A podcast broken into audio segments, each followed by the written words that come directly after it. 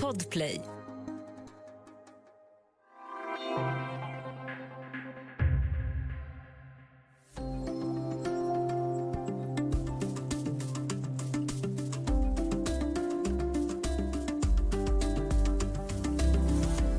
Sverige har idag den högsta inflationen på 30 år, över 7% Och Det här med att hålla inflationen i schack är en ständig kamp. Men hur har det gått för när inflationsspöket har dykt upp? Du lyssnar på Studio DN med mig Ylke Holago och nu har jag med mig Dan Lukas, ekonomireporter här på Dagens Nyheter. Hej Dan! Hej! Till att börja med, vad är inflation? Ja, det beror på vilken ekonom du frågar, tänkte jag säga. Eh, det finns naturligtvis eh, tekniska termer, men eh, för enkelhetens skull kan man använda sig helt enkelt vad Riksbanken brukar säga.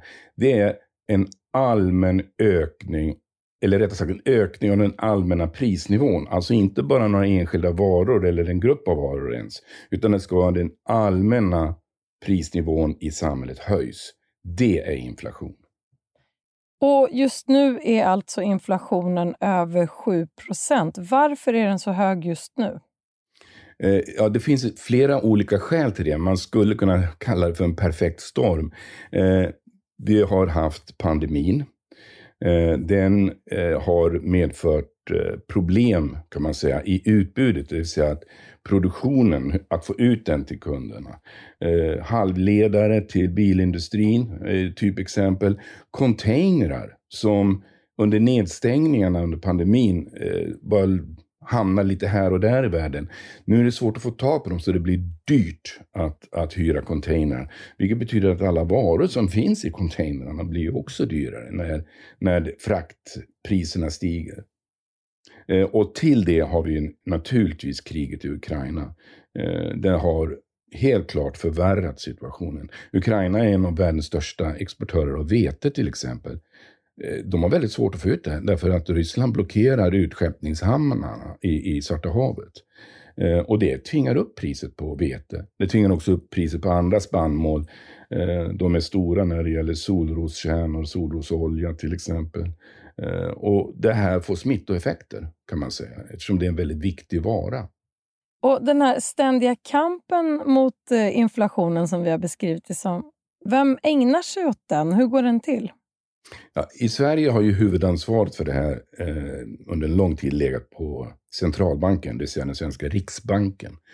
Eh, och vad de gör i sådana här lägen, det, de har olika verktyg, men det vanligaste, viktigaste Eh, och mest effektiva, det är räntan. De höjer sin styrränta och den lägger golvet kan man säga för i vart fall alla rörliga räntor i samhället. Och genom att de höjer den här räntenivån så betyder det att alla lån blir dyrare. De flesta investeringar, för de flesta investeringar innebär det någon form av lånande, även om man har sparkapital. De blir också dyrare. Och det gör att Eh, investerare och hushåll, företag eh, blir lite mer försiktiga med vad de lägger pengarna på. Och det är det som är tanken. Det, blir, det dämpar aktiviteten i ekonomin. Man kan säga att eh, Riksbanken kyler av ekonomin. Så är det i de normala fallen när du har eh, en, en lång högkonjunktur eh, där, där det har varit väldigt mycket pengar i omlopp och producenterna inte hinner med att producera, vilket är den vanliga typen av inflation.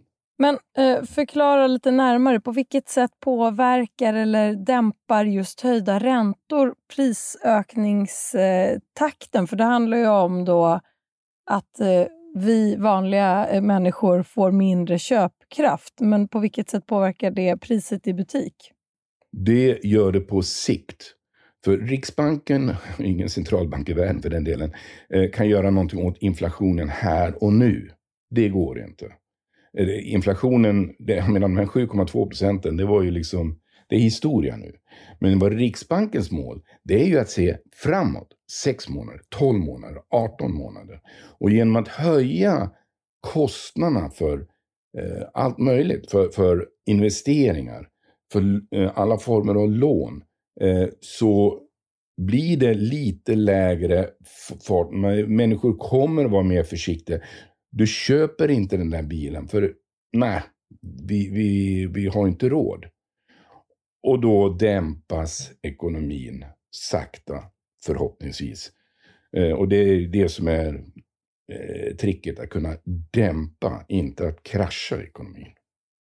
Vi ska göra en historisk tillbakablick över 1900-talet och vad som har hänt när inflationen har varit hög vid tidigare tillfällen i Sverige, men också vad myndigheter har gjort åt det. Och allt det här går också att läsa i en artikel du har skrivit i Dagens Nyheter helt nyligen. Det första exemplet i din genomgång handlar om första världskrigets slut vid eh, 1918 till 1919. Då nådde inflationen 47 procent innan bubblan sprack. Vad var det som hände vid den här perioden?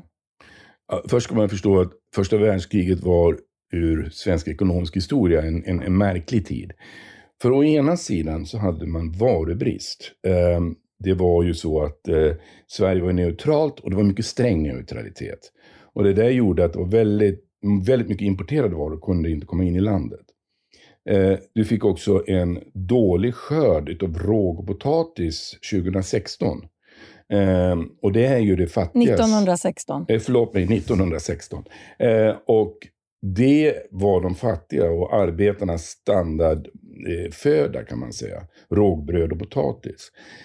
Det, så varubristen i sig drev på eh, prisökningarna. Det var färre, mindre varor och då fick man betala mer helt enkelt för att kunna komma över dem.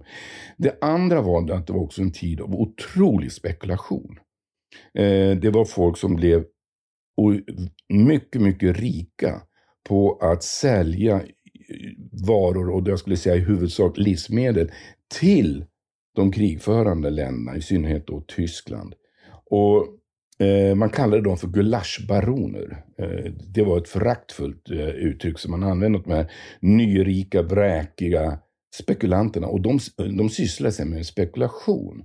Eh, de spekulerade på börsen, eh, de belånade sina aktier och fick belåna dem till väldigt eh, hög del i bankerna. Och det där ledde till en inflationsbubbla och Riksbanken var ganska tafatt faktiskt. De försökte med olika sätt och de vädjade till bankerna. Eh, men till slut 2017 så fick man höja diskontot som den tidens styrränta hette. Men det hjälpte inte. Inflationen var ännu högre.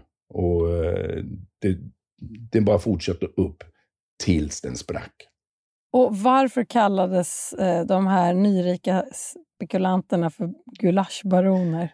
Därför att en stående föda eh, för soldater i Tyskland och i Österrike-Ungern, deras allierade, det var just gulasch. Så de sålde ju kött och det var ganska enkelt, eh, billigt kött. Det var ju, både i Danmark och Sverige så sysslar man med det här. Eh, och eh, det har kanske inte alltid varit särskilt färskt heller. Men de kunde få ta väldigt bra betalt för dem. För Tyskland, där var det ju mer eller mindre nästan hungersnöd mot slutet av första världskriget. Och eh, de behövde få in den mat de kunde få. Och de blev tvungna att betala för den, och betala ordentligt. Sen kom vi fram till andra världskriget. Inflationen gick upp kraftigt under inledningen av kriget. Hur hanterade Sverige läget då? Ja, det är intressant därför att eh, centralbanker som Riksbanken, de sköter vad vi kallar penningpolitik, räntor och valuta och så vidare. Men regering och riksdag, de sköter den andra delen av den ekonomiska politiken, den som kallas för finanspolitik. Och det var det som regeringen gjorde då eh, under andra världskriget. Man införde för det första en hyresreglering. Eh, för att helt enkelt stoppa hyreshöjningar när bostadsbyggandet gick ner. Eh, och man införde ett allmänt löneöknings och prisökningsstopp. Och det knäckte ganska snart den här inflationen. Den nådde mellan 13 och 14 procent 1941. Men redan 1942 hade den fallit och de två sista krigsåren, 1944 och 1945, då hade vi minusinflation, det som kallas för deflation. Och hur påverkades världsekonomin sen av freden som ju kom 1945? Ja, där måste man nog säga att, att eh, statsmakterna eh, och eh, ledande politiker hade lärt sig läxan från första världskriget. För det första så kom USA med sin, eh, sitt enorma stödpaket till Europa. Eh, till sönderbombade länder, heter det. Marshallplanen. Eh, det andra var att vi fick en rad internationella institutioner. Eh, ja, FN skapades ju naturligtvis, men, men vi fick eh, bland annat eh, internationella valutafonden och vi fick något som hette Bretton Woods-systemet. Bretton Woods är en liten stad i, i USA. Eh, den band olika länders valutor till dollarn, den amerikanska dollarn. Så under en lång tid av år så en dollar kostade i svenska kronor ungefär 5 kronor. Jag kommer ihåg det själv när jag var pojke. Eh, man fick betala 5, 10 kanske, 5,20. Det pendlar inte mer än så. Och ankaret i det här systemet, det var just den amerikanska dollarn. Och det betyder att en svensk riksbankschef, om man ser att inflationen springer iväg, då försämras ju värdet av kronan mot dollarn. Aha, vi måste höja räntan. För höjer vi räntan, då kommer eh, då stär, det brukar stärka en valuta. Och den här regimen, som den kallas för, den fanns i olika tappningar från eh, andra världskrigets slut fram till 1992, när Sverige övergav den fasta växelkursen, som det heter, och numera är ju eh, kronan, den är rörlig. Den, den får sätta, värdet hamnar där det hamnar på eh, penningmarknaden helt enkelt. Men det här systemet du beskriver, vad fick det för effekt på världsekonomin? Ja, men det hade en väldigt stabiliserande effekt under, under 50 och 60-talet. Eh, det, det, var eh, inflationen varierade naturligtvis. Den kunde vara högre och den kunde vara lägre, men det var inga så här kraftiga toppar som, som det hade varit tidigare. Så att det var en väldigt bra eh, och man kan säga att det var ett mycket starkt bidrag till den efterkrigs högkonjunktur som vi såg under 50 och i stort sett hela 60-talet. Eh, men det här det, sprack ju naturligtvis eh, i början på 70-talet och jag antar att du vill fråga mig om detta och det, jag minns det själv nämligen. Det kommer jag göra, men vi ska först ta en kort paus och sen ska vi då som sagt prata vidare om tidigare perioder av hög inflation och vad vi kan lära oss av de här perioderna idag.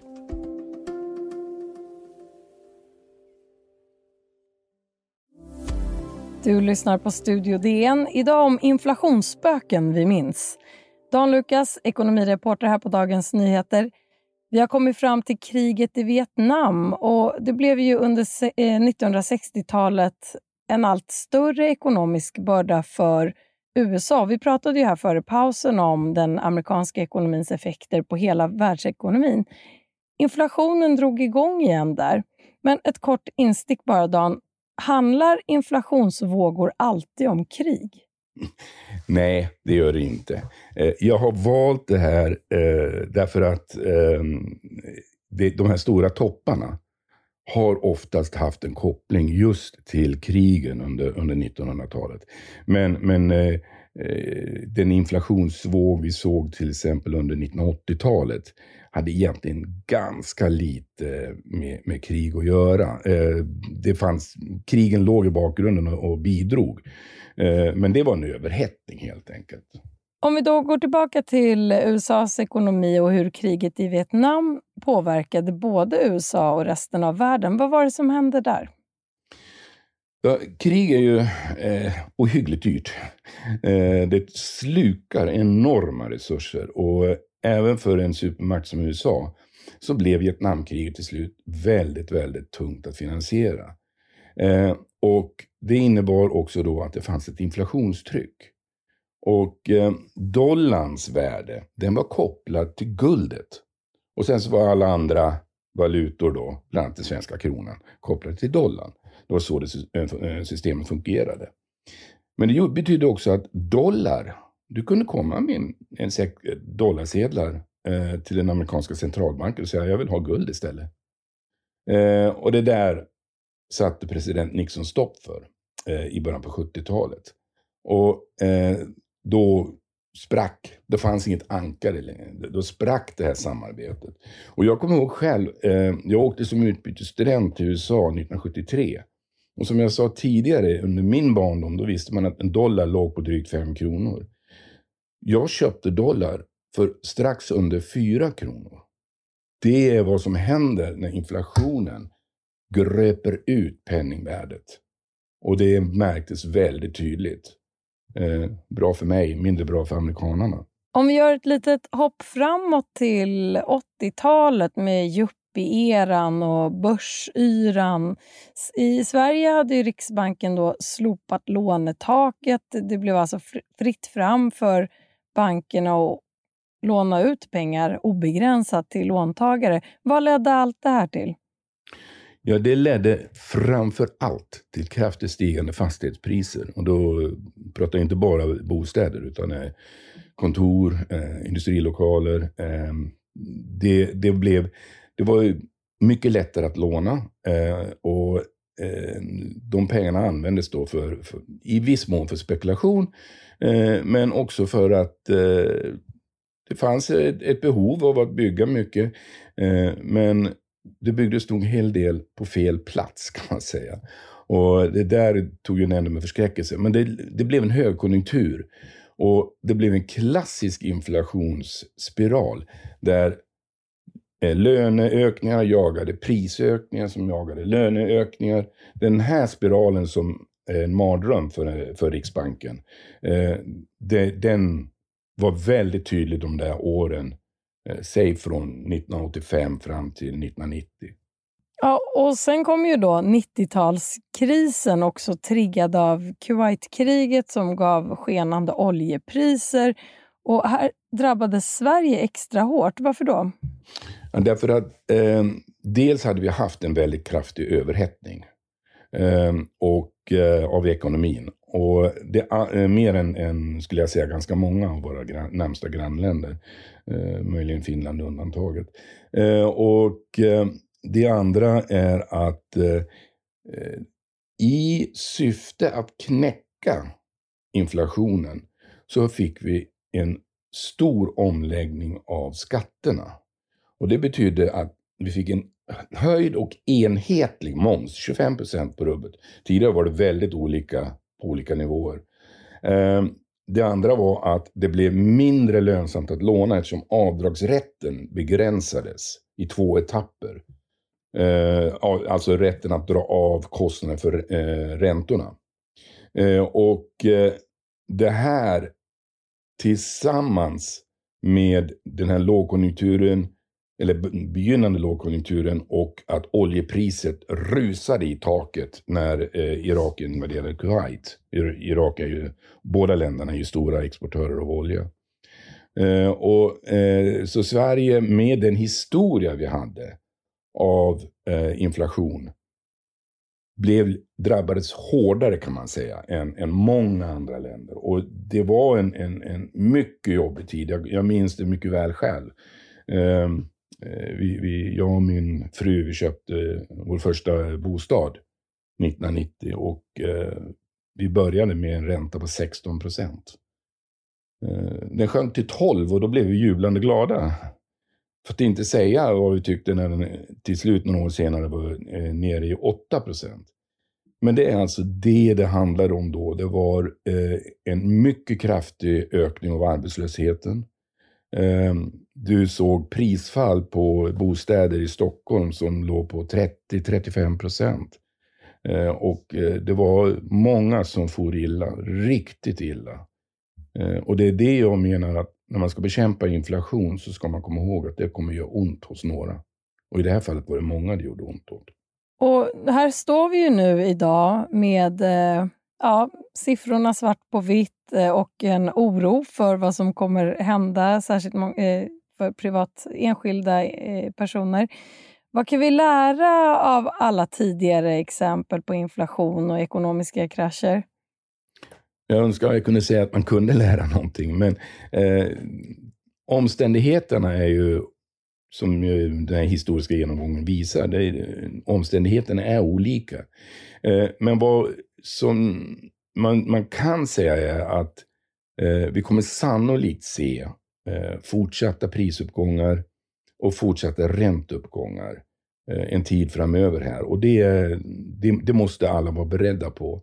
Och då måste man se om sitt hus. Eh, vad är det för utgifter vi har? Vad kan vi dra ner på om det skulle behövas? Eh, eh, och, och eh, kanske också skjuta upp vissa större affärer. Eh, det, det, det, det råd jag har att eh, komma med.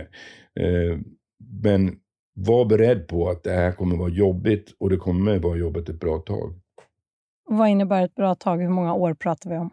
Ja, alltså nu sticker jag ut hakan. Okej, okay, jag kommer göra det. Jag sticker ut hakan och säger att jag tror, det är en gissning, men jag tror ändå att om vi träffas igen om ett år så kommer vi ha en betydligt lägre inflation. Eh, men inflation är ju prisökningstakt.